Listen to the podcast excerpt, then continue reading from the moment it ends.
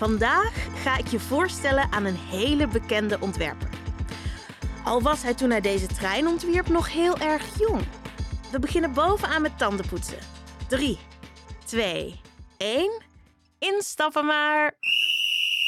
In 1937 werd er in Amerika een nieuwe locomotief ontworpen, die inmiddels wereldberoemd is: de S1-locomotief. De locomotief kreeg als bijnaam de Grote Lok.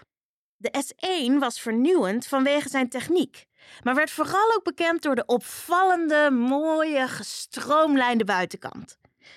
Ontworpen door Raymond Loewy, een toen nog jonge ontwerper met een heel opvallend snorretje.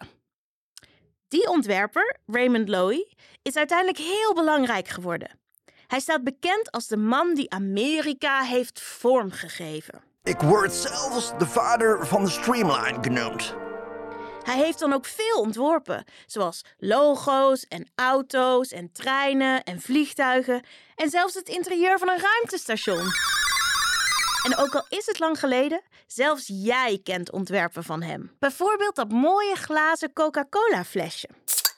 Ook een aantal Nederlandse treinen zijn door zijn bedrijf ontworpen en die rijden nog steeds rond. Draai nu je tandenborstel en begin je ondertanden te poetsen.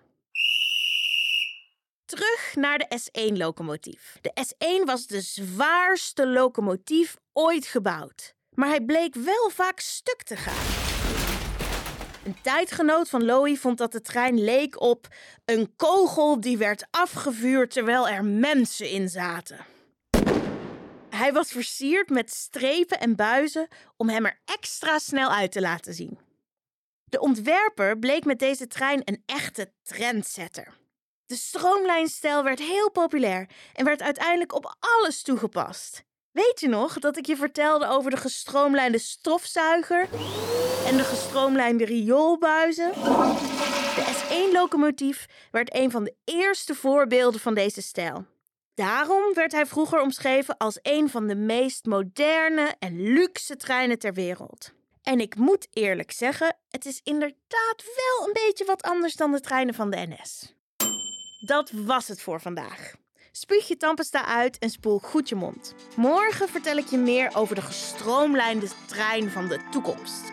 Die er misschien niet zo snel uitziet als deze trein, maar wel heel veel sneller gaat. Tot morgen!